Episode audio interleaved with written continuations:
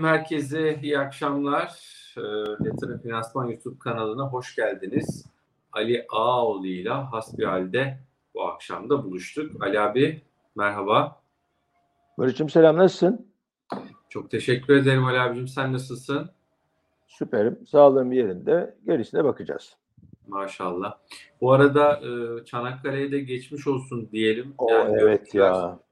Bayağı e, üzücü hakikaten. Çok, çok can yakıcı ya.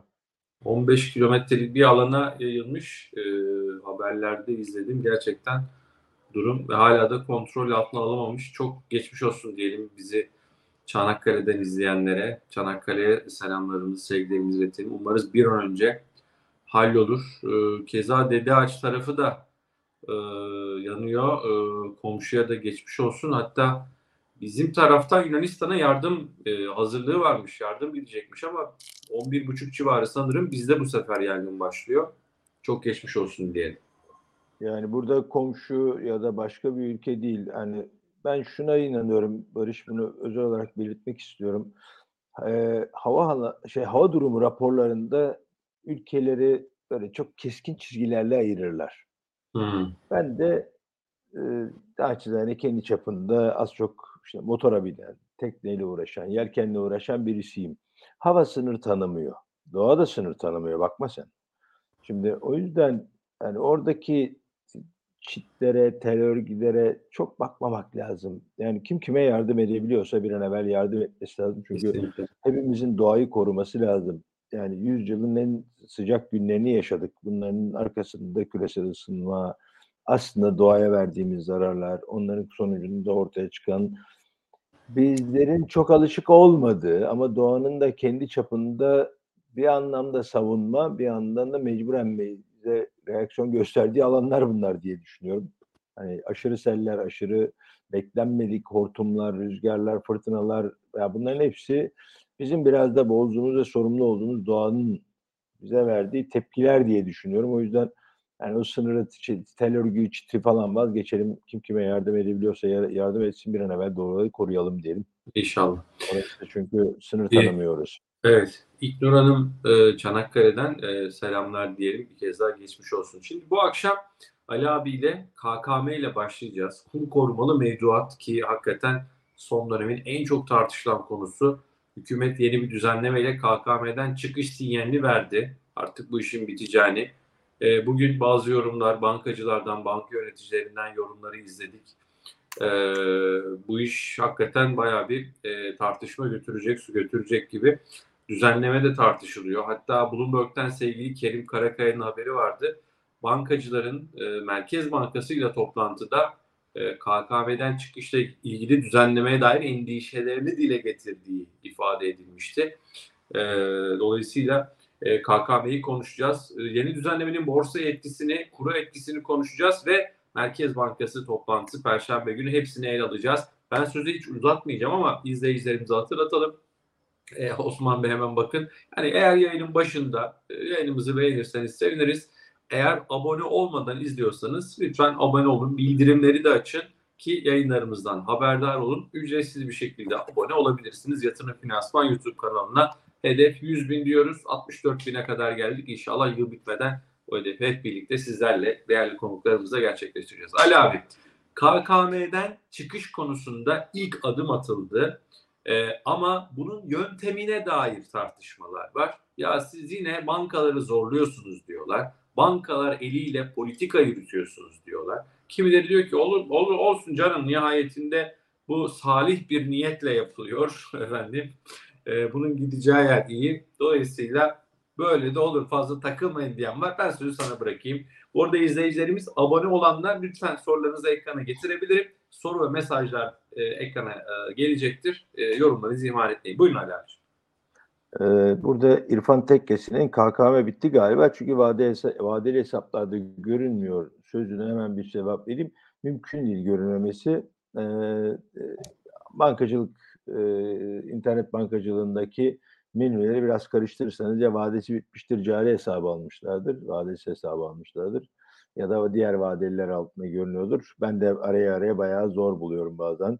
Böyle Yeni. KKM için diyor galiba. Hani Evet KKM için hikayesi. kapsama için diyor ama yani bence benzeri hesaplarda da özellikle va- fon hesapları veya fonlardan aktarılan menkul kıymet hesaplarında da bazen karışıklıklar olabiliyor veya biz aramasını bilmiyoruz diyeyim. Ya da her bankanın kendi yoğurt yiyişi var o yüzden iyi sıkı bakmak lazım. Hayır bitmedi.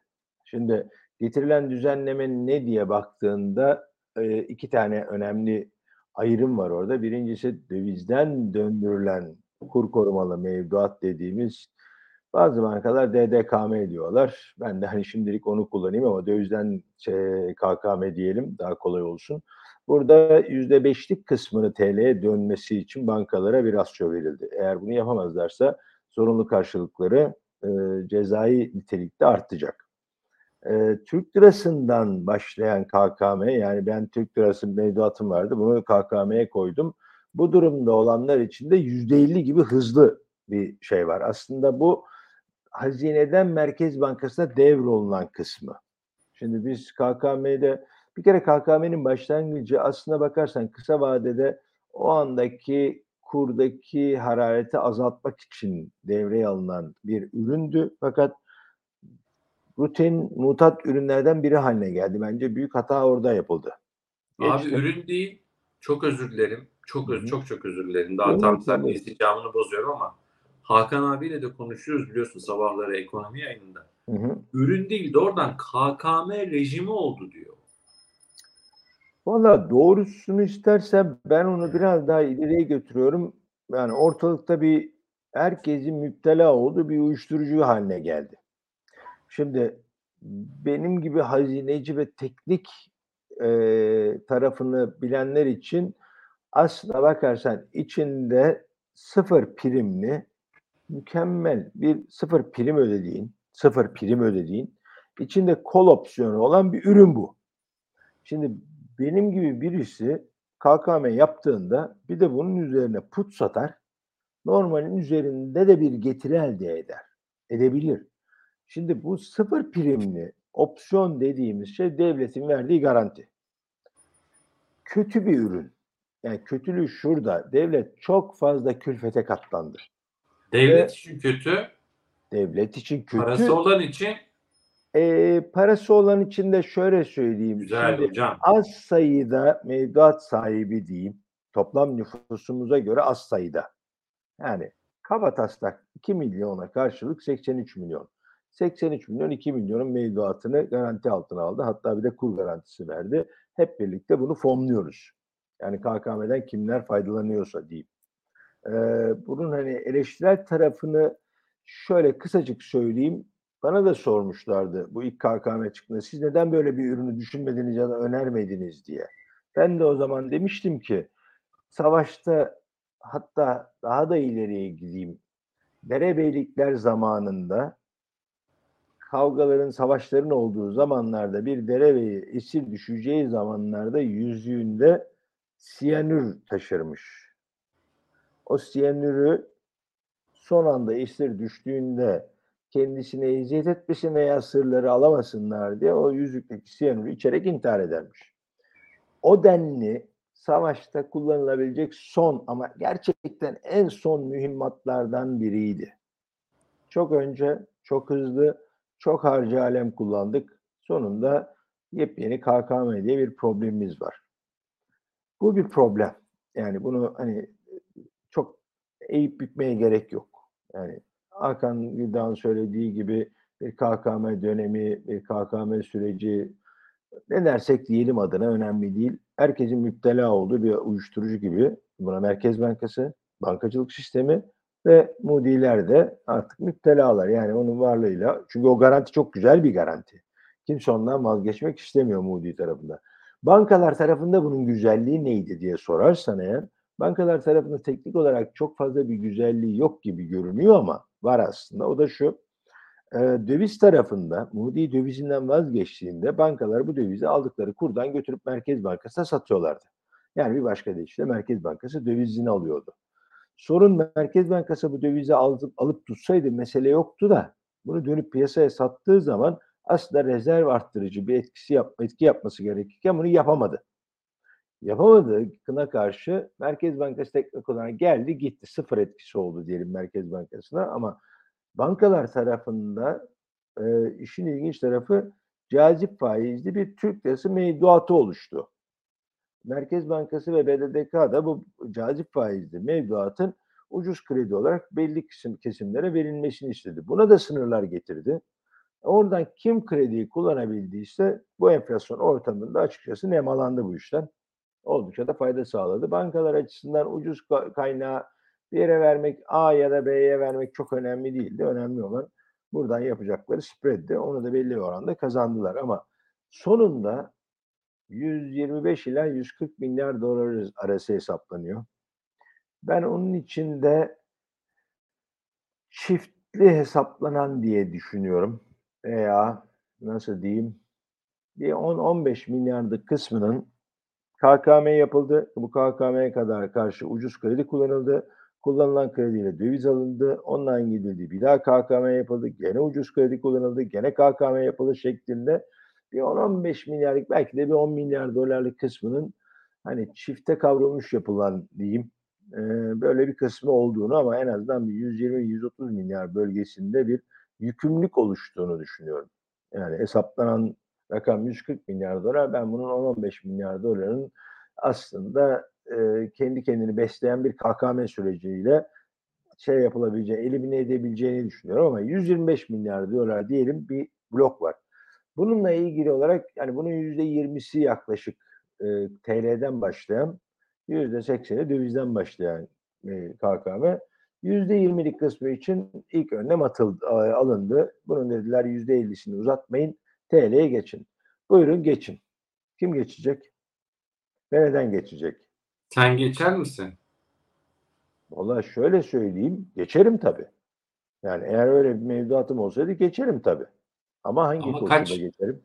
Kaça geçersin? Heh, kaça geçerim değil. Şimdi Geçtiğim zaman şöyle söyleyeyim. Benim geçme koşulumu söyleyeyim.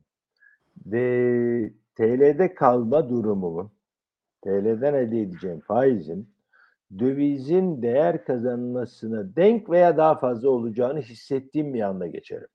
Ya da tersten gideyim.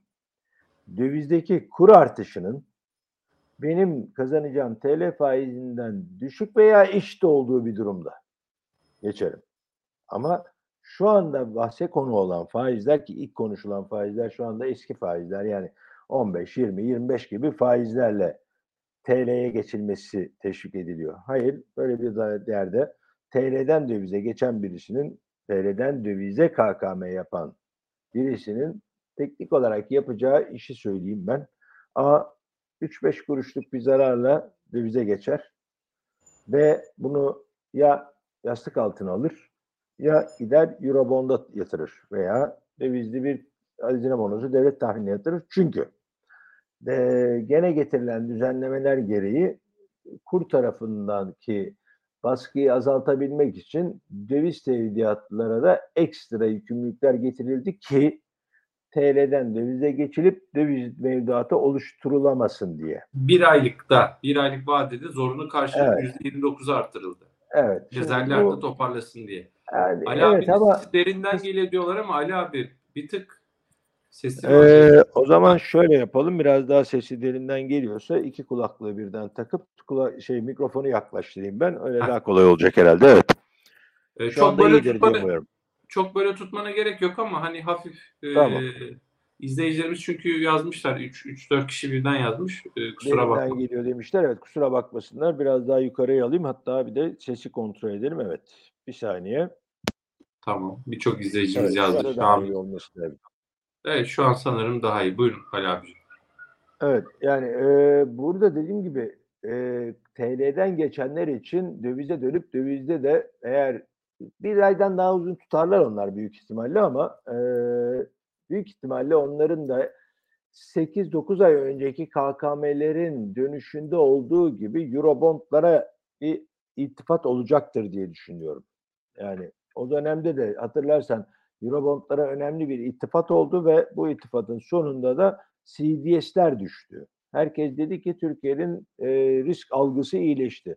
Hayır, Türkiye'nin risk algısı falan iyileşmemişti. Elinde Türkiye riski bulunan ve buna karşılık da CDS bulunduran yabancı yatırımcılar ellerindeki bonoları cazip fiyatlarla Türk yatırımcılara satınca bu yıl riski ortadan kalktığı için de karşılığındaki CDS'i de boşalttı, sattı. Sattığı için CDS yeni CDS alıcısı olmadığı için de CDS'lerimiz düştü. A- Bu Türkiye'nin risk primi azaldığı için mi düştü CDS? Teknik olarak evet ama pratikte hayır. Pratikte doğrudan aslında Evet. o CDS'e ihtiyaç kalmadığı için CDS sattılar. CDS alıcısı olmayınca da düştü faiz fiyatı. Ali abi e, bu arada çok mesaj var. Ben hani ilk girişte dediler ya KKM'yi göremiyoruz diye. Ben biraz okuyayım istersen. Canlı yayındayız. E, 600 aşkın kişiyle Yatırım Finansman YouTube kanalında Ali Ağol ile hasbihal ediyoruz. Dolayısıyla karşılıklı bir diyalog içerisinde mesela bir izleyicimiz diyor ki Nurşen Hanım bankalarda online KKM hesabı açma sekmesi kapatıldı. Şubeyle görüşerek ancak 30 Haziran'da yabancı para mevduatınız varsa açtırabilirsiniz. Ya da dövizle açtığınız KKM dönüşünüz varsa tembit ettirip bak bütün bunlar doğrudan izleyicilerimizin yazdıkları canlı örnekler, gerçek mesajlar. Çünkü biri değil, birçoğu yazıyor. Bir tane daha Cem Biçer. Bir bankanın bugüne kadar yer alan KKM menüsü iki gündür yerinde yok. İsterseniz banka da vereyim. Devam ediyorum Ali abicim. Bir dakika Ee, hemen müsaade et. Hemen cevabımı vereyim. Evet. Ben eski KKM hesabının görülmemesiyle ilgili bir şey yapmıştım. Ha, yorum açıklama. yapmıştım. Öyle bir şey görülmesi müm- görülmemesi mümkün değil. Ama yeni KKM açma ile ilgili ister istemez bankalar bu yeni düzenleme sonrasında a uygulama esasları henüz daha yok anlaşalım. Bilmiyorlar Sek- ne yapacaklarını. Bilmedikleri kapatmışlar mı yani? Hiç- ben olsam hiç düşünmem bile. Hiç Neyi düşünmem bile. KKM Nasıl? sekmesini tamamen kapatırım. Yani Niye abi kapatıyorsun ya? Ürün değil mi Ben bu? ne yapacağımı bilmiyorum ki. Niye kapatmayayım? Ne yapacağımı bilmiyorum. Yani bankacı, yani şimdi bankacı olarak düşünüyorum ya da banka hazinecisi olarak düşünüyorum. Derhal kapatın derim ben. Hiç Ya ürün- derhal. Ali abi seni, kız, seni kızdırmak için. Ya ürün saklanır mı Evet. müşteriden? Bir ürün Hangi var orada saklıyorsun. Ha- hangi ürün? KKM. Hangi ürün? Kur korumalı mevduat. Yok ki öyle bir ürün artık.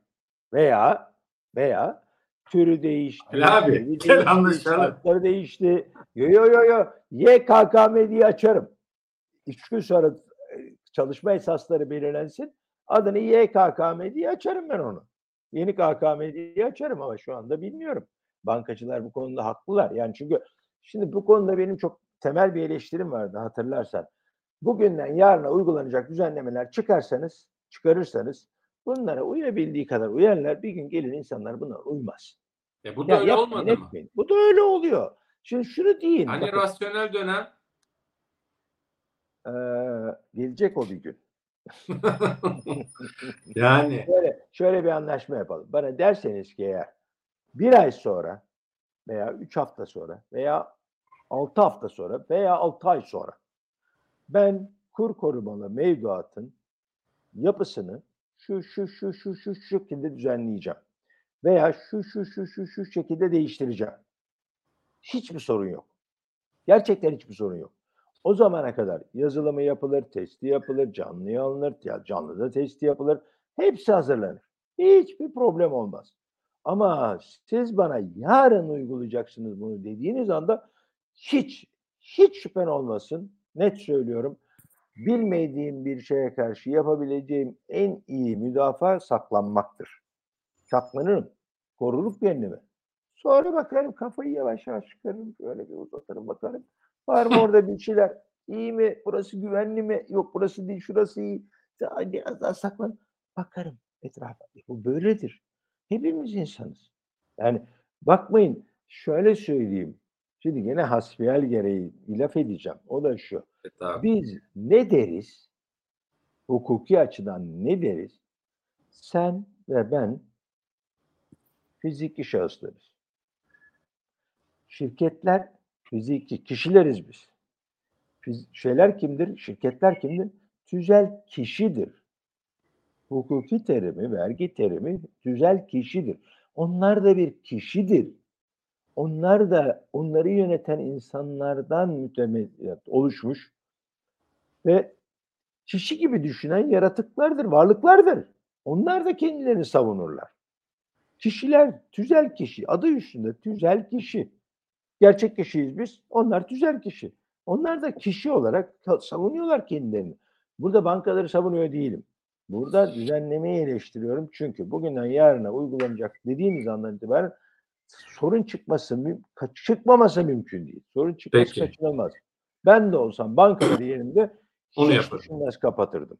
Peki biraz mesaj okuyayım. Mesela Aydın Bey diyor ki bu arada bir kez daha hatırlatıyorum. Abone olan izleyicilerimizin mesajlarını yansıtabiliyorum. Eğer abone değilseniz, abone olmadan izliyorsanız e, ücretsiz bir şekilde abone ol tuşuna lütfen basmayı ihmal etmeyin. Aydın Bey, döviz dönüşümlü e, kur mevduatım vadem bugün doldu. Parayı vadesiz döviz tevdiat hesabına çektim. Bekletiyorum. Faize henüz oturmadı demiş. Erhan Bey diyor ki yeni KKM açmayı online değil direkt bankadan yapacaklar. Zorlaştırıyorlar ki yeni KKM hesabı açmayı demiş. Mini tarifler diyor ki KKM bitmedi sadece zorlaştırıyorlar. Online işlemlerde gözükmüyor olabilir ama bankaya gidip açtırabilirsiniz demiş izleyicilerimiz. Ee, yani çok mesaj var bununla ilgili. Canlı yayındayız. Lütfen mesajlara e, mesajlarınızı göndermeye devam edin. Ali Ağulu ile sohbetimiz sürüyor. KKM'nin etkisi, borsa etkisi çok soruluyor. Ona biraz sonra değinelim ama önce şu KKM muhabbetini kısaca bitirelim istersen. Tamam. Çünkü- 17,5'lar teklif ediliyor deniyor KKM. Evet. 17,5'da kur korumalı mevduat yapar mısın Ali abi? Ee, hayır diyeceğim. Yanlış olacak. Bilmiyorum. Ama bildiğim şeyleri söylemek isterim. Bilmediklerime çok yorum yapmayayım ama Buyurun. Ee, biraz evvelki ilk izleyicimiz dedi ki DTH'a vadesi DTH'a aktardım. Bu şu demektir. E, e, dövizden dönmüş, ondan döviz almış, dövizi de DTH'a aktarmış. Yani dövizde bekliyor. Evet.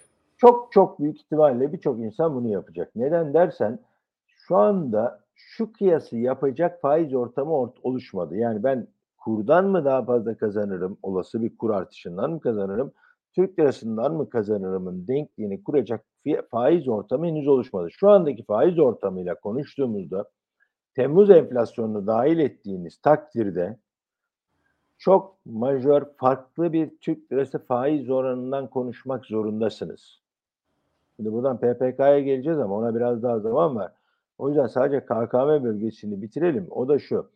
Tipik ra- davranış biçimini sergilemiş izleyicimiz. Ben de olsam %99.9 önce dövize geçer sonra bakardım duruma.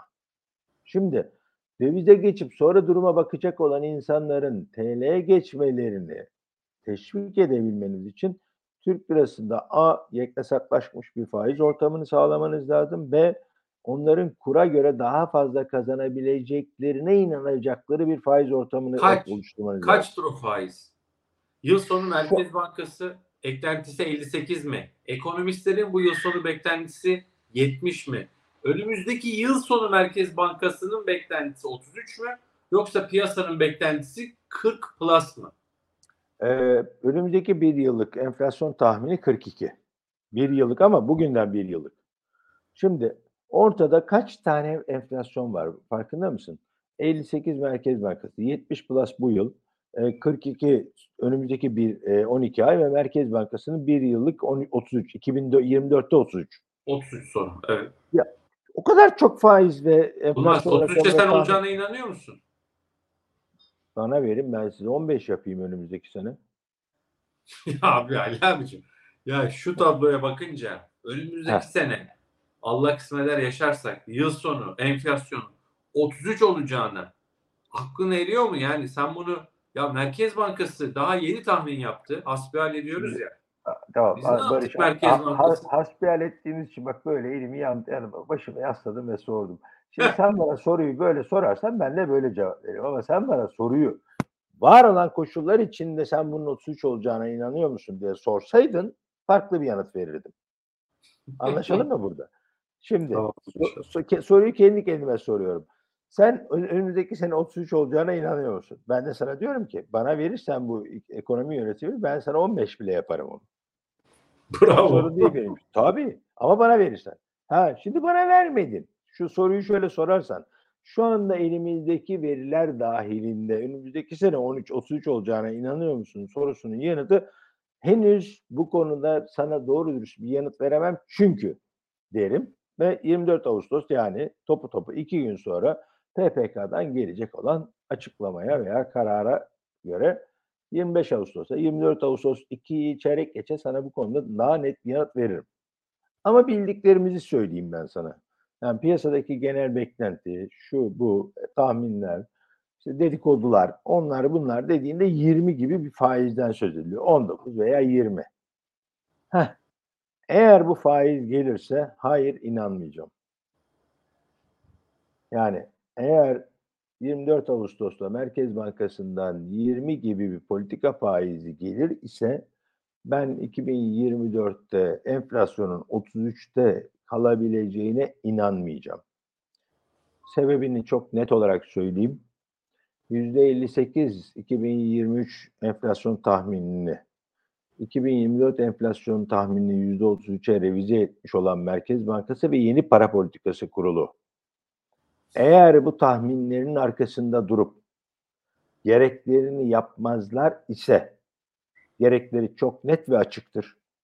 Hiç tartışmaya açık değildir bu konu. Çünkü 5 tane Boğaziçi mezunu, benim de mezun olduğum okuldan 5 tane iyi eğitim görmüş, ortodoks politikaları çok net bilen ve aralarında literatüre benden de çok daha iyi hakim olan insanlar gereğinin ne olduğunu bilmiyor olamazlar. Eğer benzer eğitimden geçmiş kişilerin daha az tecrübeli olanları bile üç aşağı beş yukarı ne olması gerektiğini bilirken onlar bilmiyor olamazlar. Bilip de yapmıyorlar ise bu başka bir durumdur. Bilmiyorlar diyemeyeceğim için sadece bu seçenek var elimde. Onun için 24 Ağustos'ta gelecek olan kararın bana göre 30 ve üzeri bir faiz oranı olması gerekiyor ki 2023'ü geçtim. 2024 için çok net, temiz, şeffaf, sarih bir yol e, şey yapsın, göstersin bize. Bu olmayacaksa tahminin kademeli 30 değil. Hı hı, Ta- tahminin 30 değil, öyle anlaşılabilir. Evet. Ancak 30 ve üstünde bir faiz artışı gelirse, faizi oraya çekerlerse 2024'te ben enflasyonun sene sonunda %33 olacağını o zaman inanırım diyorsun. Ee, o zaman tartışmaya başlarım diyorum. Tartışmaya başladık. Daha önce Ben tartışmam abi. bile diyorum. 30 olmaz. O zaman tartışmayalım. Ben boşuna konuşacağız. Olmaz. Ya Yani. olmaz. Niye olmaz? Abi dinliyorum. Neden olmaz? Hadi sen söyle bakalım. Neden Söyle olmaz? bak niye olmaz? Öyle. Merkez Bankası Başkanımız demedi mi? Biz kademeli gideceğiz. Durun arkadaşlar bir bakalım. Attığımız Hı. adımların bir efendim şu e, etkisini görelim. Ne heyecanlanıyorsunuz? Hani heyecanlanmaya gerek yok. Ey piyasa manasına gelen cümleler söyledi. Dedi ki kademeli gideceğiz. Adım at. İşte kademeli lafını ben duyduktan sonra altıda çizildi böyle kalın çizgiyle kırmızı çizgiyle böyle hani fosforlu kalemler olur üstünü de çizersin böyle iyice gözüne sok. Kademeli kademeli kademeli dendi. Şimdi kademeli değil. Faizi %25'e %30'a çıkarır mı Merkez Bank? O zaman önceki söylemi ben nereye koyacağım? Hangisine Kademeyi ben hemen kademeyi hemen düzelteyim. Benim için kademe şudur. İlk hesaplaşmış bir faiz ortamı 30 mu 35 mi 40 mı neresiyse orada artı eksi 1 2 3'lük band, bantla oynamak kademeli iştir. Onun dışında çok basit bir şey söyleyeyim. Enflasyon %70 olacak diyorsun. Faiz, politika faizi %20. %20 ile birileri kredi alıyor. %70 ile enflasyonla birilerine satıyor. Birileri yapıyor bu işi. Aradaki 50 puanı kim kime ödüyor? Bir. Ne kadar süreyle ödüyor? İki. Bu sonuçta toplum olarak hepimizin ödediği bir maliyet midir? Evet.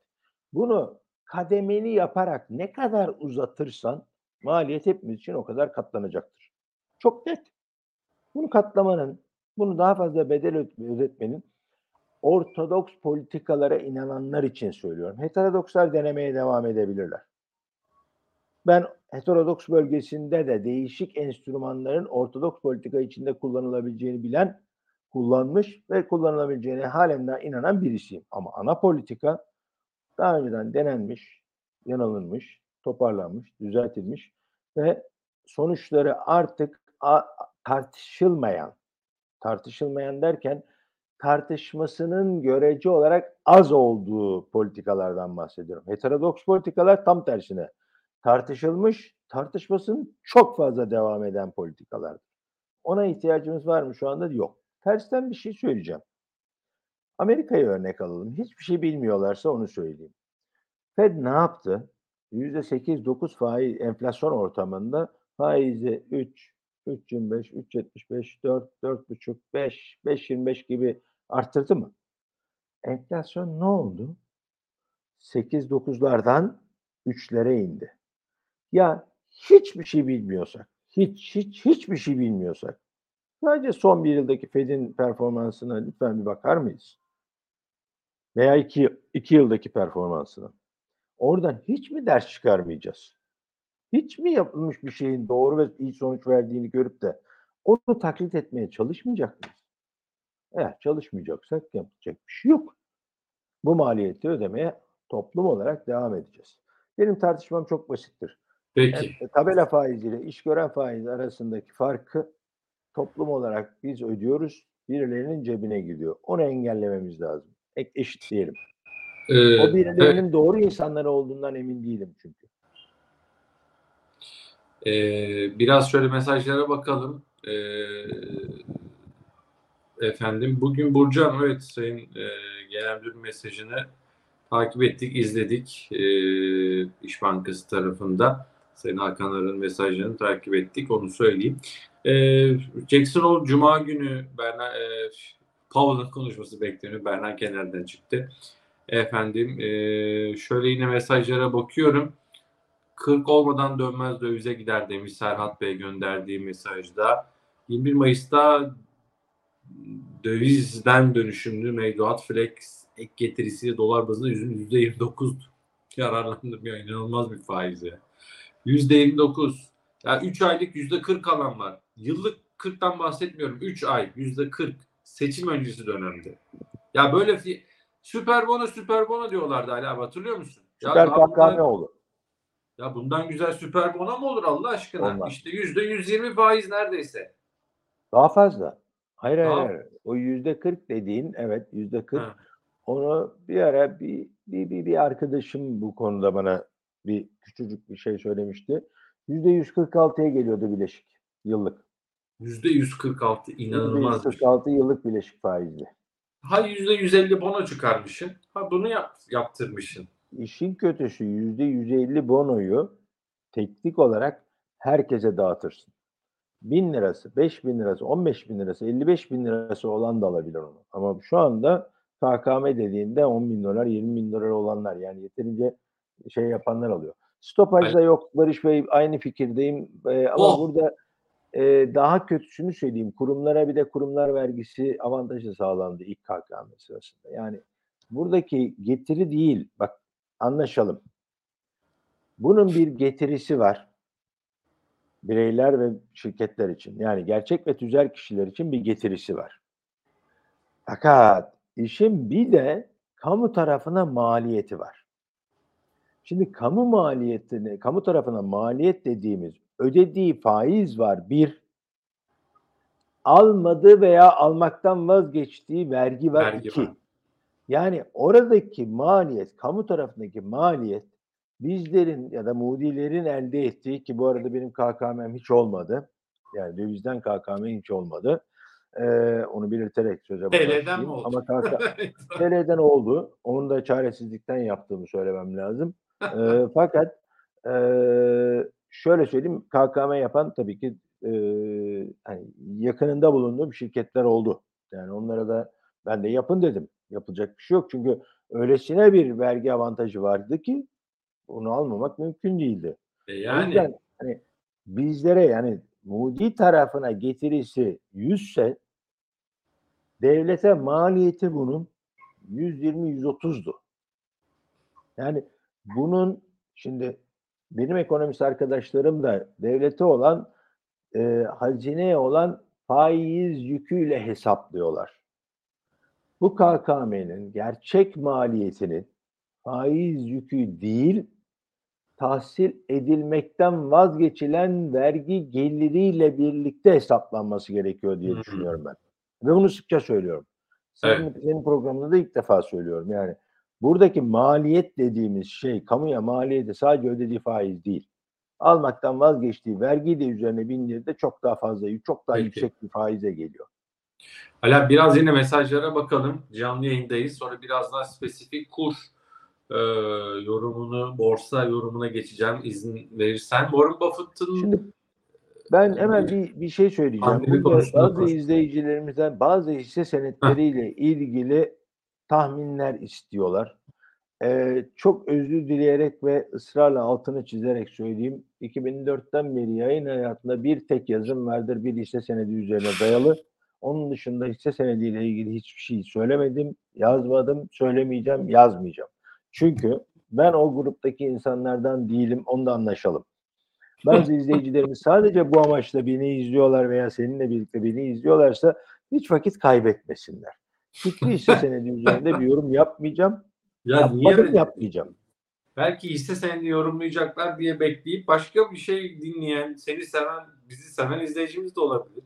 Bırak Ee, hisse senedi bazında e, yapabileceğim hiçbir şey yok. Onun dışında ne isterlerse dükkan onların.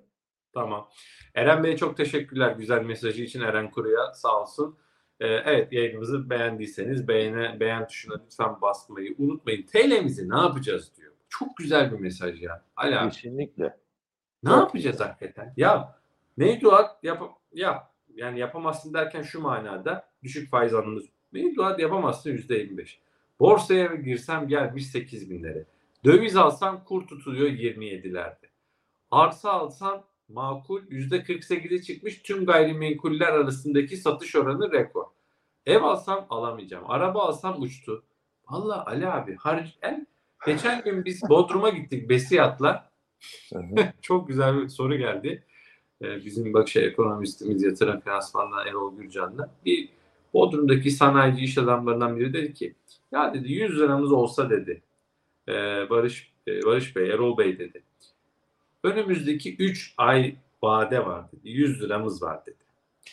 Ee, ne yaparsınız? Nasıl dedi acaba bir işte dağılım yaparsınız? Neye yatırım yaparsınız dedi. Tabii bizim baş ekonomistimiz Erol'a buradan. Erol anlattı işte şöyle yaparım, böyle yaparım, getirisi rakamlar falan filan. Yüzde bilmem kaçını mevduat yaparım, yüzde yirmisini şöyle yaparım falan. Anlattı. Peki pardon ben de. Vallahi 3 ay mı dedim. 3 ay 100 lira harcarım dedim. Yani yapacak bir şey. Vallahi bak. E ne yapayım abi? Yani nereye koyayım ben? Çok çok doğru bir şey söylemiş. Ben de yani 3 aylık bir süreç içinde harcamayı tercih ediyorum. Çünkü yaşam oldukça kısa yani bakma. Yani öyle hani yarın Yani yarın değer kaybediyor anlamında. İşin şakası bir tarafa hani Evet. yani gerçekten ya paranı korumak için bu tabloda eğer sen tasarruf edecek kadar beni ca- cazibemi cazip olan bir ürün yoksa e, harcamayı tercih edeceğim. Çünkü aldığım ürünün fiyatı yukarı gidecek. Sana ilginç bir şey söyleyeyim. Bunu birkaç kişi e, bana söyledi. Çok dikkat etmemiştim. En son Atilla Köksal'ın bir tweetinde söylediği kaldırımda bana motosiklet çarptı, çarptı dedi. Atilla abiyle bugün beraberdik. Şimdi Borsa ben de yani şimdi kaldırımda ben motosiklet kullanan birisiyim. Kaldırımda Hmm. motosiklet çarptı deyince ben hakikaten şaşırdım. Ee, normalde motosiklet kaldırımda işi yok. Yani çok istisnai e, park etmek için vesaire çıktığı haricinde motosiklet çarpmaz kaldırımda insana yani. Kaldırımda ne işim var motosikletin? Sonra de, de yavaş yavaş yavaş yavaş bu motosikletçiler arasında böyle bir sohbete e, konu olunca anlaşıldı ki senin dediğin çok ilginç şeylerden bir tanesi ki bu konuda bir şey yapıyorum. Şu anda e, bu motosikletle başladım bu arada. Bu negatif faiz veya düşük faiz politikasının yarattığı sonuçlar nelerdir diye oturdum çalışmaya başladım. İlk notum da motosiklet. Büyük parası olanlar ev, arsa aldılar. Daha küçük parası olanlar, birikimleri olanlar araba aldılar. Daha küçük parası, birikimleri olanlar da motosiklet aldılar. Fakat motosiklet alanlar ve bir ara gerçekten motosiklet yoktu Türkiye'de ve halen daha yok. Cidden Sana bir rakam vereyim mi? Desteklemek için. Hı hı. Geçen gün attım. 6 gün oldu. 960 bin görüntülenmiş bu mesajın. Yani neredeyse 1 milyon görüntülenme Twitter'da. Otomobil alamayan motosiklet almış.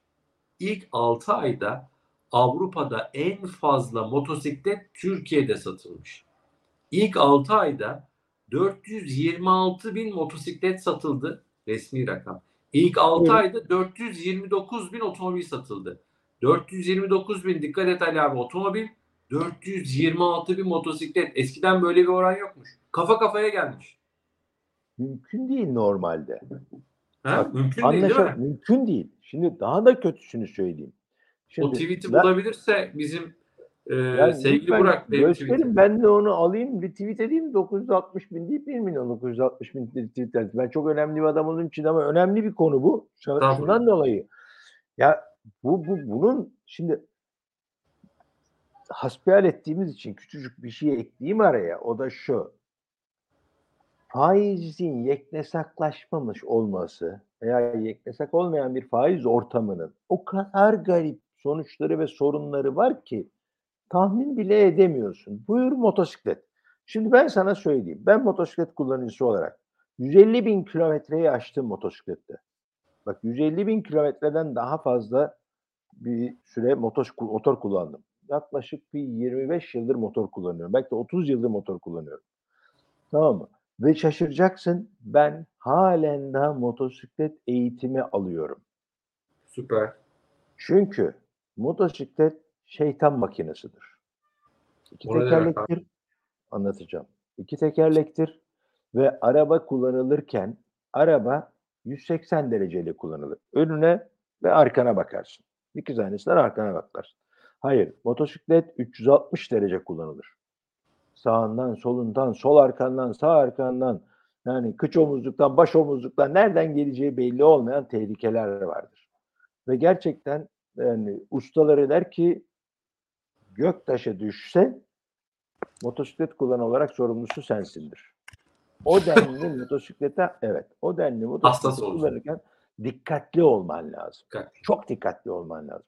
Şimdi 426 bin motosiklet alın, al- alınmışsa 26 binini koydum. Profesyonellerdir. Anlaşalım. 400 binini amatör olduğunu düşünüyorum. Vazgeçtim. 100 bini daha profesyonellere kaydım. 300 bin. Bana birisi lütfen son 6 ayda motosiklet eğitimi alan 300 bin kişinin kaç kişisi motosiklet almış olan 300 binin kaç kişi motosiklet eğitimi aldığını söylesin. Ben sana bahse giriyorum. 30 bini almamıştır. 30 bini almamıştır. Sonuç motosiklet kazaları. A kendine zarar veriyor. B başkasına zarar veriyor. Gerek canına, gerek malına, gerek sağlığına zarar veriyor. Bak diyeceksin ki ya bir düşük faizden veya faiz dengesizliğinden buyurun 960.900 görüntülenmiş. Tebrik Evet. ediyorum. Çok güzel bir tahmin. Ben bunu ileride kullanacağım müsaadenle. Müthiş. Çünkü çok müthiş. Bak sen Burada söylemeden haber- benim bundan haberim fabrikasyon- yoktu bunu söylerken. Bak şimdi izleyicilerimize Evet. lütfen eee, şey yapalım. Lütfen anlaşalım. Kesinlikle ve kesinlikle anlaşmalı bir durum yok. Ben bu tweet'i görmedim. Sadece ben bir yorum yaptım. O şey, Barış Esen de bunun üzerine bunu göndermiş. Bu arada Ama haber söylüyorum. Aysel Yücel'in. Ben onu e, aktardım sadece. Evet Ali abicim buyurun. Ya bunu söylüyorum. Bak 429, 26 bin motosiklet satılmış. 26 bini değil, 126 binin profesyoneller dediğim en azından benim gibi eğitim almış olanlar aldığını varsayıyorum. 300 bin tane motosiklet satıldığında motosiklet eğitimi alan kaç bin kişi olmuş Türkiye'de son 6 ayda? Lütfen bana birisi bunu söylesin. Bu yayın üzerinden lütfen birisi paylaşırsa çok sevineceğim. Bu motosiklet ehliyeti alanlar dahil kabul ediyorum onları da. Bak eğitimi almak başka bir şey. Çünkü benim motosiklet eğitimim var.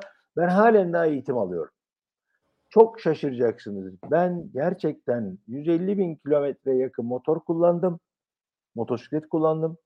Bunun içinde 4 tane kazam var. Daha doğrusu 3 tane kaza bu dönemde bir tanesi eskide. iki elimde, iki ayağımda motosiklet yüzünden kırıktır.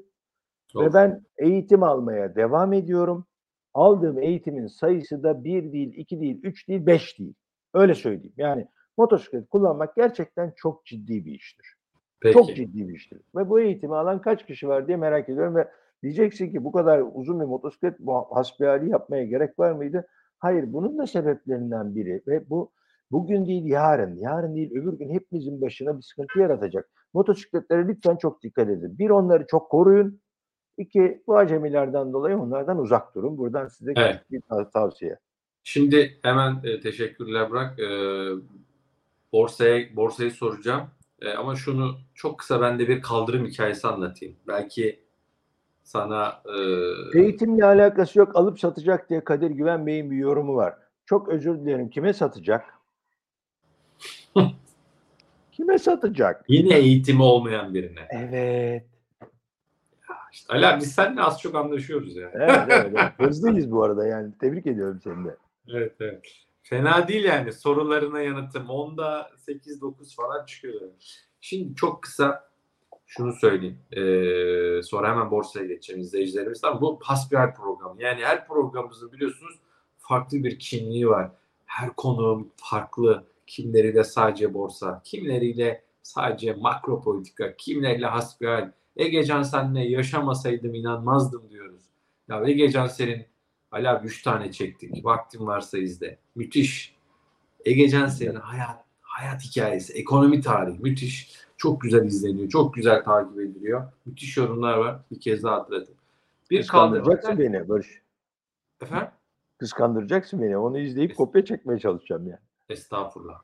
Egecan sen hepimizin üstadı. Şöyle Ee, hep bir kal- kaldırım derler ya medeniyet falan filan. Şimdi böyle bir hikaye var. Bir hafta sonu Ali abi e, işte bu Kumburgaz, işte e, bu Silivri falan tarafları vardır ve genelde bizim İstanbul'daki vatandaşlarımızın o bölge yani Selimpaşa o bölgede şeyler vardır. Yazlıklar vardır biliyorsun. Genelde hafta sonu insanlar yazlığa gider yakın olduğu için yakın mesafe geri dönerler. Biz de e, benim abim e, subay, asker emeklisi. O bölgede bir askeri işte tesis var diyelim. Dinlenme tesisi. Biz de o bölgede bir yere gittik. Dönüş yolundayız. Pazar akşamları müthiş bir trafik oluyor. Pazartesi günü çünkü iş günü, pazar günü dönüş. Yine çok büyük bir trafik var. Tam işte o bölgeden Selimpaşa, işte Silivri, Çorlu vesaire o, o bölgeden İstanbul'a giriş trafiği. Arabalar hala bir gıdım gıdım ilerliyor. İlerleyemiyor. Neredeyse durmuş. Sence emniyet şeridi dolu mu? Doldur. Müthiş dolu. Emniyet şeridini de biz haline getirmişiz. Ve orada da gidiyor. Bir an Ali abi sağ tarafıma şöyle bir baktım. Kaldırımdan bir araba gidiyor. Evet. Abicim emniyet şeridi onu kesmemiş. Kaldırımın üstüne çıkmış. Kaldırım üzerinden böyle bize baka baka gidiyor. Ve gidiyor yani öne açık. Arkadaki plakaya baktım. Plaka maalesef mi diyeceğim bir Alman plakası. Bir gurbetçimiz. Gurbetçilerimizin hepsi alınmasın ama içimden şunu geçirdim hala. Bence sorun onda değil. Dedim ki acaba o arabanın içindeki beyefendi muhtemelen Almanya'da bu hareketi yapmıyordur. Bu hareketi yapmaya teşebbüs dahi etmiyordur, edemiyordur. Bu bizim bence eksiğimiz, artık ayıbımız mı diyeceğim, sorunumuz mu diyeceğim. Ama maalesef o beyefendi Almanya'da o kurallara uyarken bizim Türkiye'ye geldiğinde kaldırımın üzerine dahi çıkmayı nasıl göze alıyor? Hakikaten inanamadım. Benim de kaldırım hikayem buydu diyeyim.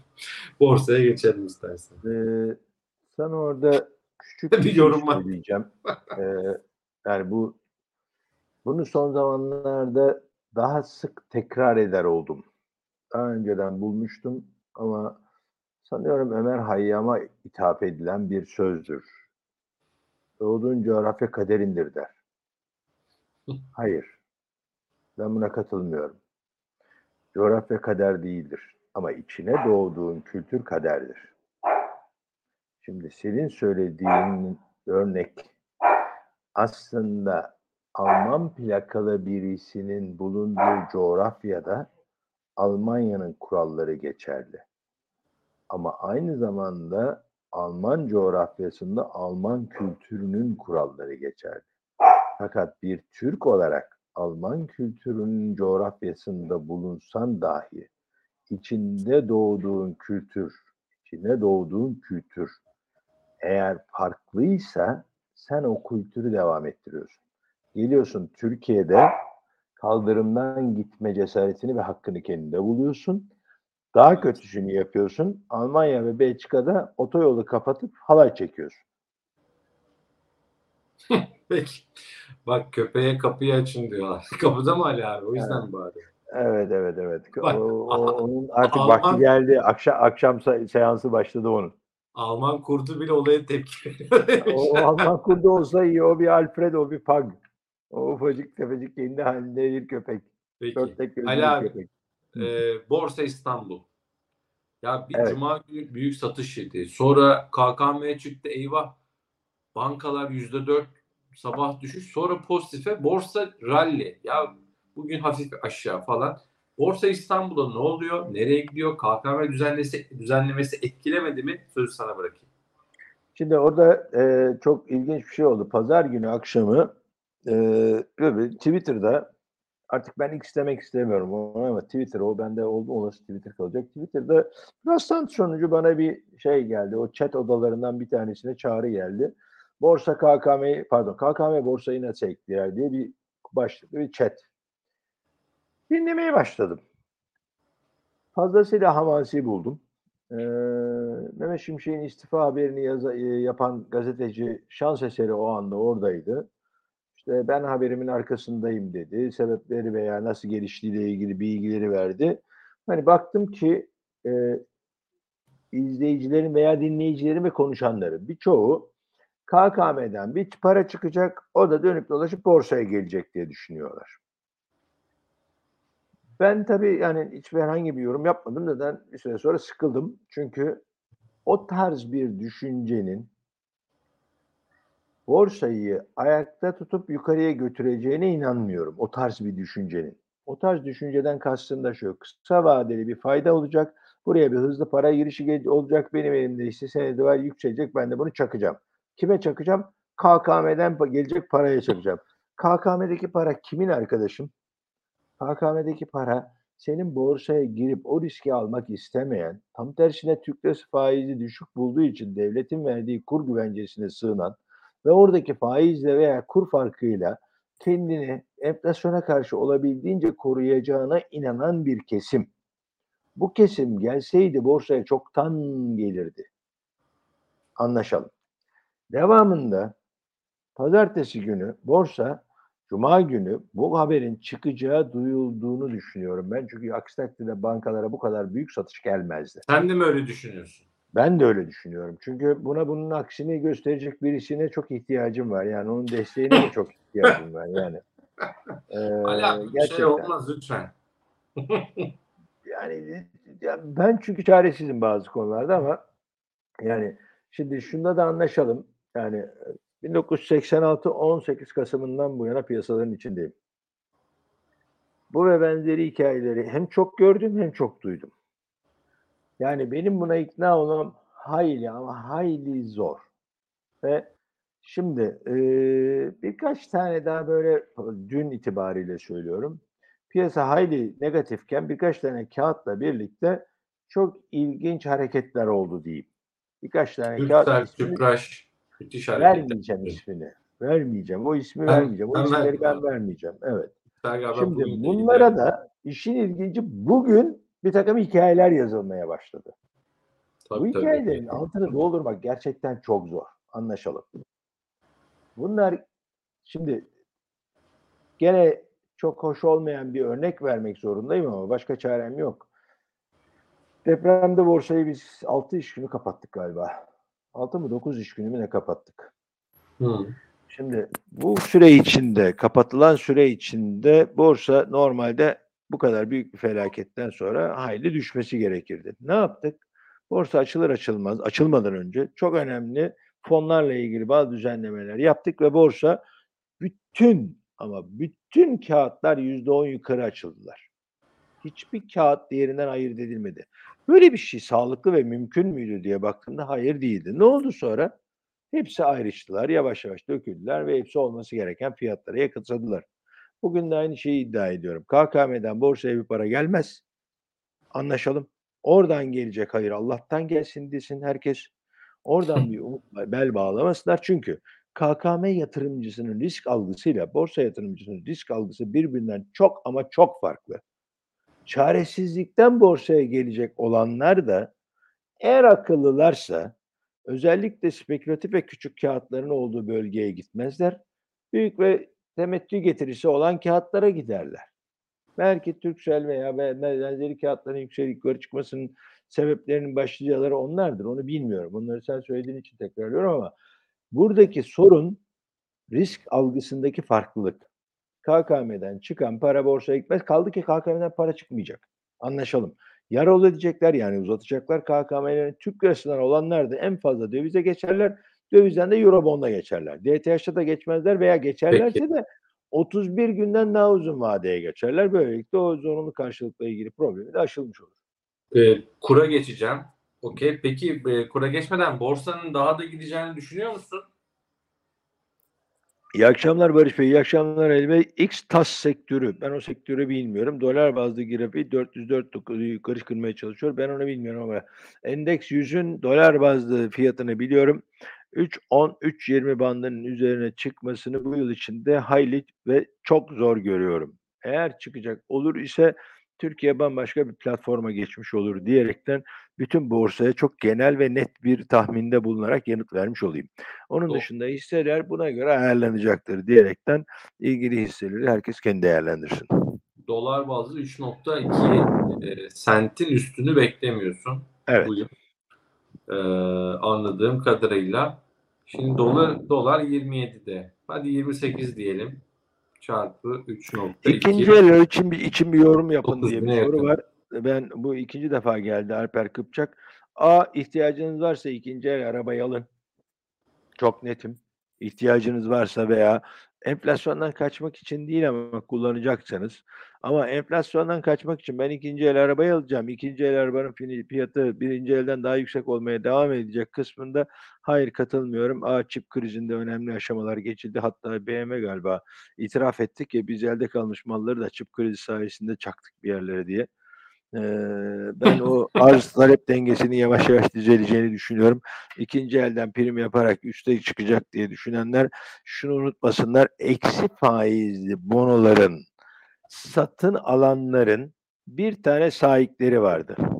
Bir tek dertleri vardı. Bak eksi getirili bonoyu sahip şey satın birisi neden satın alır? Yani eksi yüzde bir getiren bonoyu birisi neden satın alır Barış? Sana sorayım.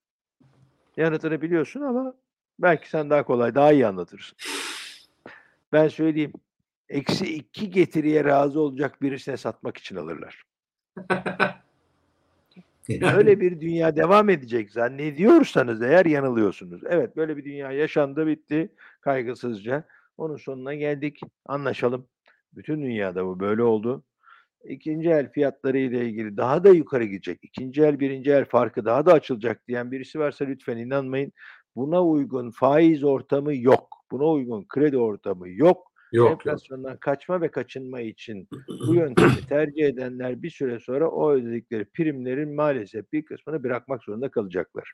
Evet. Yusuf Bey 5.1 senti gördük 2013'te. Bırakın 2022 Aralık'taki dolar bazlı 3 doları 5.1'lerden geldik e, maalesef buralara. Ali abi e, ya çok kısa e, Enflasyondan ö- korunmak için kendi formülünü söyler misiniz Ali Bey diye bir soru var. Ee, soruları kendi görüyor. Evet. evet, aradan bir şey yapayım. Bir harcıyorum. Benim gibisin sen de. Abi bir harcıyorum. Bir harcıyorum. Ben bir şey diyeceğim. Ama stokta olan yani tasarrufum olan kısmının eee, ben yönetmiyorum ve gerçekten de bunu çok samimi olarak söylüyorum. Çünkü A yorum yapan birisi olarak B profesyonel olarak bu işi yapan birisi olarak şirketlere ve bireylere bireylere hizmet vermiyorum. Şirketlere hizmet veriyorum. Onlarda tarafsızlığımı kaybetmemek adına ben portföyümü kendim yönetmiyorum. Bunu her zaman her yerde söylerim. Benim portföyümü por- portföy yöneticileri yönetiyor. Onlara da ne alın ne satın derim. Onlar nasıl yönetiyorsa öyle yönetiyor ama onlara da sadece tercihimi özel olarak söylediğimi söyleyeyim, belirttiğimi söyleyeyim. Değerli metaller, başta gümüş olmak üzere değerli metaller ve borsa üzerinde. Çünkü ben diğer kısmında kendi yönettiğim uzun vadeli portföyüm var. O zaten onların yönetimi dışında ama kısa vadeli olan ve e, TL cinsi olanlarının ağırlığı değerli metaller ve borsa ağırlıklıdır. Onu paylaşayım. Enflasyondan kaçınmak için de onu yapıyorum. Geçen sene enflasyonu yenmeyi başardım ama çok üzerine geçemedim. Bu sene henüz enflasyonu yenebilmiş değilim. Onu da paylaşayım. Ee, berbat oldu. Warren Buffett'ın bugünkü açıklamasına çok şey yaptınız. Ee, pandemi geliyor. 2026 sonuna kadar sürecek falan. Yani buna karşı ne yapabiliriz? Yapacak bir şey yok. Yani öncekine karşı bir şey yapamadığımız gibi. İşte aşı maşı çıkınca aşı oluyoruz. Bir şey ben yok. buna buna buna şöyle bir şey söyleyeyim. Hı. Ya bu bir, tamamen hiçbir bilimsel ve istatistiki şeye dayanmıyor. Sadece eee mikrobiyoloji veteriner ve mikrobiyolog profesör bir arkadaşımın söylediğine istinaden bu varyanslar devam edecekler. Bu mutasyonlar devam edecekler ve onlarla biz birlikte yaşamaya alışacağız. Bu büyük bir dalgaydı. Her iki taraf da acemiydi. Biz insanoğlu, öteki tarafta da virüs tarafı acemiydi. Her ikisi de yavaş yavaş birlikte yaşamanın bir yolunu bulacağız. Bu tip şeyler olacaklar demişti. İlk dalga geçti. Dikkat ederseniz onun Peki. dalgalar halinde. Burada şimdilik çok fazla şey yapmak istemiyorum. Ee, Nurşen istemiyorum. Hanım'ın mesajı. City grubun dolar TL'de hedef 32 ilerliyor. Pozisyonu önerisinde yorumunuz ne olur? Hangi vadede vermişler bunu? 3 ay mıydı sene sonu muydu hatırlayayım bakayım ben hala abicim. 3 ay mı, sene sonumun sonusunda 3 aya katılmam sene sonuna düşünebilirim. Ama şunu söyleyeyim. Yani daha genel ve doğru olduğunu da düşündüğüm bir şey. Bu arada mikrofonu yaklaştırıyorum. Umarım ses tarafında bir problem olmamıştır. Çok fazla yaklaştırma çatlıyor bu sefer de Ali abi. çatlıyor. Peki yani bunun arasını bulayım. Şöyle böyle şekil yapayım yani. Şöyle elimle biraz tutayım uzaktan. Şöyle bir şey söyleyeyim. Ee, Temmuz ayı enflasyonu 3 ay vadeli. 3 ay vadede 32 ihtimali düşük ama yıllık yıl sonu itibariyle yüksek e, bu ihtimal görülme ihtimali. Çünkü şimdi biraz evvel 58 ve 33 tahminleri çok kritik demiştim Merkez Bankası'nda bu konuda takdir etmiştim ya da yeni başkanı. Ama bunun gereğini yapmıyorlarsa bu cesaretleri saman alevi gibi geçip gidecektir. Yani aynısı iştir kişinin lafa bakılmaz. Yani gereğini yapmanız gerekiyor. O pozisyonda, o konumdaysanız yeni PPK üyeleri ve yeni başkan gereğini yapması gerekiyor. Yoksa bu tahminleri yukarı revize etmek çok matah bir şey değil. Onların gereğini yapmadığını sürece bir şey ifade etmiyor. Eğer onu yaparlarsa kur konusundaki resim farklı olacak ama gereğini yapmazlarsa şöyle söyleyeyim şu an itibariyle Temmuz enflasyonu dahil olmak kaydıyla e, yıl sonuna doğru giderken enflasyon da yükselirken e, City grubun tahmini doğru çıkacak günün birinde bu yıl içinde bir yerde böyle görünüyor. Ama ben diyorum ki Merkez Bankası gereğini yapacak ve yapmalı. Yapacak ve yapmalı. Yapacak mı? Bunu yapacak ve yapmalı. Ben bu inancımı koruyorum. Yani yapacak inancımı koruyorum. Yapmazsa iki hafta sonra seninle sohbette hasbelde zaten gereğini ben söylerim yani onun. Ben ne diyeceğini az çok tahmin ediyorum. Evet yani şimdi Eğer ben söylüyorum yani, e, yani Gerekeni o, yapmayacaksanız neden yapmayacaktınız da neden diye başlarsın diye düşünüyorum. e, fazlasıyla fazlasıyla yani Peki ben ben söylemeyeyim de. Şimdi Peki. yani evet o güne o güne teaser verdin yani böyle bir girizgah yaptın ama yani o gün onun ne söyleyeceğimi bilmiyorum ama üç aşağı beş yukarı bu minvalde bir şey söyleyeceğim çünkü yapacağına inanıyorum yapmalı. Bak ikisi bir Peki. arada. Ee, Yani bilmiyorum beğeni kaçlarda e, izleyicilerimiz yayınımızı beğendiyseniz lütfen beğen tuşuna basmayı unutmayın. Abone değilseniz de Yatırım Finansman YouTube kanalına abone olun. Bu arada bizim bir e, Stokis Pro ismini biliyorsunuz. E, özellikle e, hisse senedi analizinde sizlere yardımcı olan, bilanço dönemlerinde yardımcı olan Stokis Pro hediyemiz var yeni yatırımcılarımıza. E, yatırım finansmanda hesap açanlara 2 aylık Stokis Pro üyeliğini hediye ediyoruz. Yayınımızın açıklama kısmında yer alan linke tıklayarak online hesap açılışını yapabilirsiniz. Bu duyuruyu da bir kez daha yapayım. Stokis Pro Tuncay'la yayınlarda çok kullanıyoruz biliyorsunuz. Hisse analizi yaparken buna ulaşmak için 2 aylık size ücretsiz bir şekilde yatırım finansmanda yeni e, yatırımcılarımıza, yeni hesap açanlara hediye ediyoruz. Online bir şekilde kolayca hesap açabilirsiniz. Onun da linki açıklama bölümünde değil, Ali abi yavaş yavaş ekrandan kaçıyorsun. Bak kaç. Yok kaçmıyorum. kaçmıyorum. Ons altın, soruyorlar. ons, altın ons fiyatı vardı. Onun tahminine grafiğini açtım. Grafiğe doğru yaklaşıyorum. Tamam. Tabii gözlerim artık iyi görmüyor Barış. Yani bunlar 40 santimin Estağfurullah. gözlükleri. Burası 60 santim gözlüğü. O yüzden yaklaşmam gerekiyor yani. Ee, Bir de görüş ilk- sormuşlar. Dipten Evet, destekten soruyu 30'lara bir arada gözükmesi değerlendireyim. diyebilir miyiz? Şimdi e, şöyle bir şey söyleyeyim. Genel genel bir şey söyleyeceğim. Daha böyle bir e, küresel makro diyeyim. E, Amerikan 10 yıllık tahvil faizlerini söyleyeyim. Ons tahmini gümüşü mutlaka söyleyeceğim ama ondan önce küçük bir şey söylemek istiyorum. O da Amerikan 10 yıllık tahvillerinde çok kritik bir yerdeyiz. 19-20 Eylül PPK, şey pardon, e, FOMC, Amerika'nın para politikası toplantısının olduğu tarih. O tarihten önce önümüzdeki hafta, pardon bu cuma günü Jackson Hole var. Bu cuma Powell günü konuşacak. Ee, Powell'ın ne söyleyeceği gerçekten kritik çünkü o toplantıdan önce Powell ve benzeri görüşte olanların ya da geniş kesimin fikri ya da ne söylemek istedikleri daha bir ortaya çıkacak diye düşünüyorum. Netleşecek. Kişisel görüşümü paylaşayım. Sonra yanlış çıkarsa ben demiştim derim ama yani nedenini Powell açıklasın. Ee, eğer doğru çıkarsa da Powell'ın daha orta yolcu bir konuşma yapacağını düşünüyorum ben. Orta yolcu derken yeni bir faiz artışı yapmayacak ve var olan seviyeyi daha uzun süre koruyacağını söyleyecek diye bir tahminim var benim. Şimdi 4.32.50 Amerikan 10 yıllıkları için kritik bir seviye. Ve bu seviye e, önümüzdeki iki buçuk ay yani bu demektir ki Ağustos sonuna geldiğimizi varsayarak Eylül-Ekim ortasından önce aşılmaz ise, aşılmayacak olur ise, aşılmaz ise ben Amerikan 10 yıllık tahminlerinde e, dördün altını bu yılın sonunda test edeceğimizi düşünüyorum. Hı. Şimdi iki önemli şey söylüyorum. Bir, Powell faiz arttırmayacak veya Fed faiz arttırmayacak ama daha uzun süre faizleri bu seviyede koruyacağını söyleyecek ve verilere bakacağız diyecek. Ya bir sonraki toplantı ve Jackson Hole'daki konuşma. 3 4.32.50 Amerikan 10 yıllık tahvillerinin üst seviyesi aşılmayacak. Bu seviyenin üzerine çıkacak olur ise çok radikal bir seviye geliyor yukarıda. Yani eee, bunu çok kimsenin duymak isteyeceğini zannetmiyorum ama altılı seviyeler, altı buçuklar hatta pardon hemen düzeltiyorum kendimi. 5.22'ler geliyor. 4.32'ye göre 5.22 geliyor. Sonrasında da 7.5'lar gibi bir seviye geliyor ki çok yüksek bir seviye. Yani bu hiç kimsenin tahmin O kadar hızlı bir Amerikan ekonomisti yok herhalde. Ya öyle bir şey yok. Şimdi orada gerektirecek. yanılmıyorsam Atlanta Fed'in çok yüksek bir, bir büyüme tahmini vardı. O tahmin de revize edilecek diye düşünüyorum. Sonuçta böyle makule doğru bir eğ- eğilim olacak varsayımım var.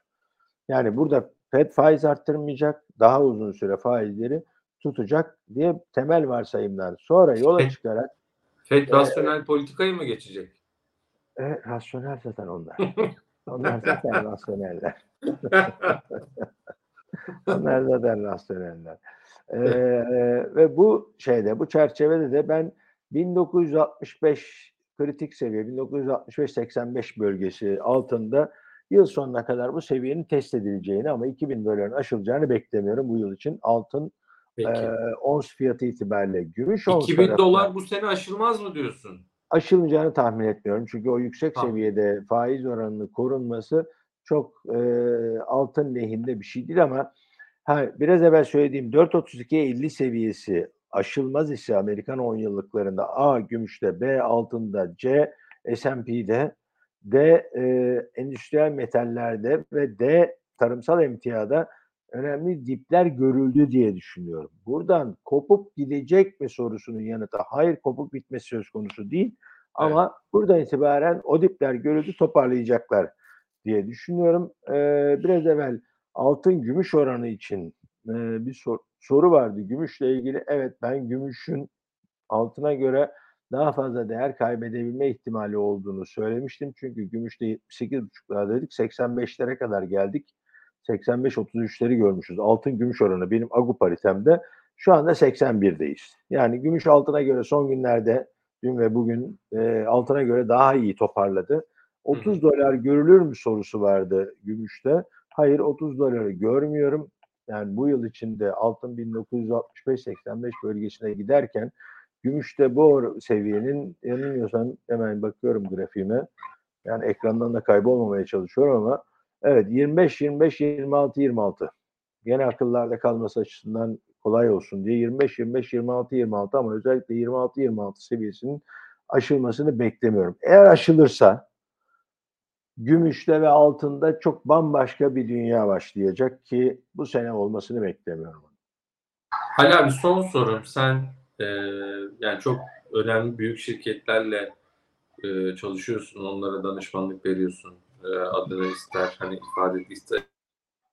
Ama e, şimdi bu kredilerle ilgili bir tık reel sektör yorumuyla kapatalım istersen hasbihalimizi. Şöyle bir soru var. Bireysel ve kurumsal şirketlerin kredi musluğu ne zaman açılır? Kredilere erişim konusunda ciddi kısıtlar ve zorluklar hala devam ediyor. Ee, sence bu musluklar ne zaman açılır? Ne zaman rahatlar krediye erişim? Ee, Abdullah Bey'in mesajında yanıtlamış olalım. Senin deneyimlerin de anekdotal bilgilerin de çok önemli. Ee, burada naçizane çok kolay bir cevap vereceğim. Kolay cevabın yorumu zor. Cevap kolay. Yerel seçimlerin satım hale, mahalline girdiğimiz zaman krediler genişlemeye başlar. O zamana kadar sıkılaştırma devam eder. Ne zaman bu satım hal dediğimiz Mart ayında yapılacağına göre Aralık ayında yavaş yavaş artık bir parasal genişleme veya kredi genişlemesi gelir. Fakat bu kredi genişlemesi çok çok çok büyük ihtimalle hedefli olacak ve yine inşaat sektörünü hedefleyecek. Benim tahminim bu. Ama gerçekten ekonominin ihtiyaç duyduğu çarkların daha hızlı dönmesini sağlayacak bir kredi genişlemesinin ben yakın bir gelecekte olacağını inanmıyorum. İnanmamanın sebebi e, senin bana ısrarla söylediğin, benim de ısrarla reddettiğim sebepten dolayı. Neydi, neydi senin bana ısrarla söylediğin? Bu PPK'da da çok matah bir şey olmayacak. Böyle bir perspektiften bakılınca kademeli dediğin şeyin, kademeli dediğin şeyin e, bu ve benzeri adımları yavaş yavaş atılacağını söylüyor. Ben de diyorum ki yapacaklar ve yapmalılar. Şimdi bunu yapmadıkları takdirde, para politikası gereğini yapmadıkları takdirde diğerlerini yapsalar da olur, yapmasalar da olur. Benim görüşüm o. Yaparlarsa biraz daha hayat normalleşir gibi görünür ama bizimki tamamen bir şey olur. Ee, nasıl diyeyim, serap görürüz böyle bir Yok tabii serap gibi bir şey olur. Onun için çok anlamlı şeyler olmayacak. Çok anlamlı adımlar olmayacak. Yani onun için ben hep ısrarla söylüyorum. Faiz hesaplaşması arkasından krediler tarafında mantıklı ve hızlı bir her şeyi hızlı istiyorum ben. Yani onu söyleyeyim bu arada. Yani faizdeki ek hesaplaşma hızlı. Kredilerdeki düzelme hızlı. Yani bunların hepsinin hep bir tarafa koyup döviz tarafında, pardon KKM tarafında da ben aslında hızlı hareket edilmesi gerektiğini söylüyorum. Oradaki Abi. çözüm kademeli değil. Yani şöyle anlaşalım. Bana göre doğru çözüm kademeli değil ama bu benim görüşüm bana ait.